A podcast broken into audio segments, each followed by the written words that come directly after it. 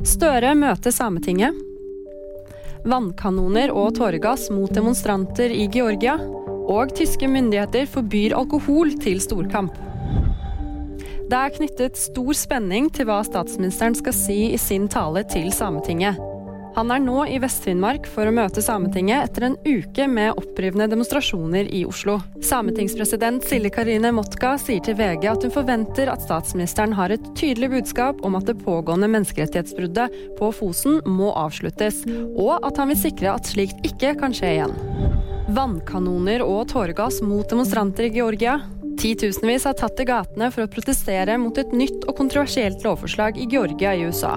Flere har forsøkt å bryte seg gjennom barrierer ved et parlamentsbygg. Det har politiet svart på ved å bruke vannkanoner og tåregass mot demonstrantene.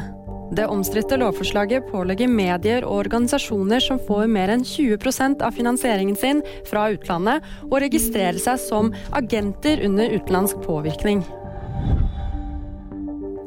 Tyske myndigheter forbyr salg av øl på storkamp.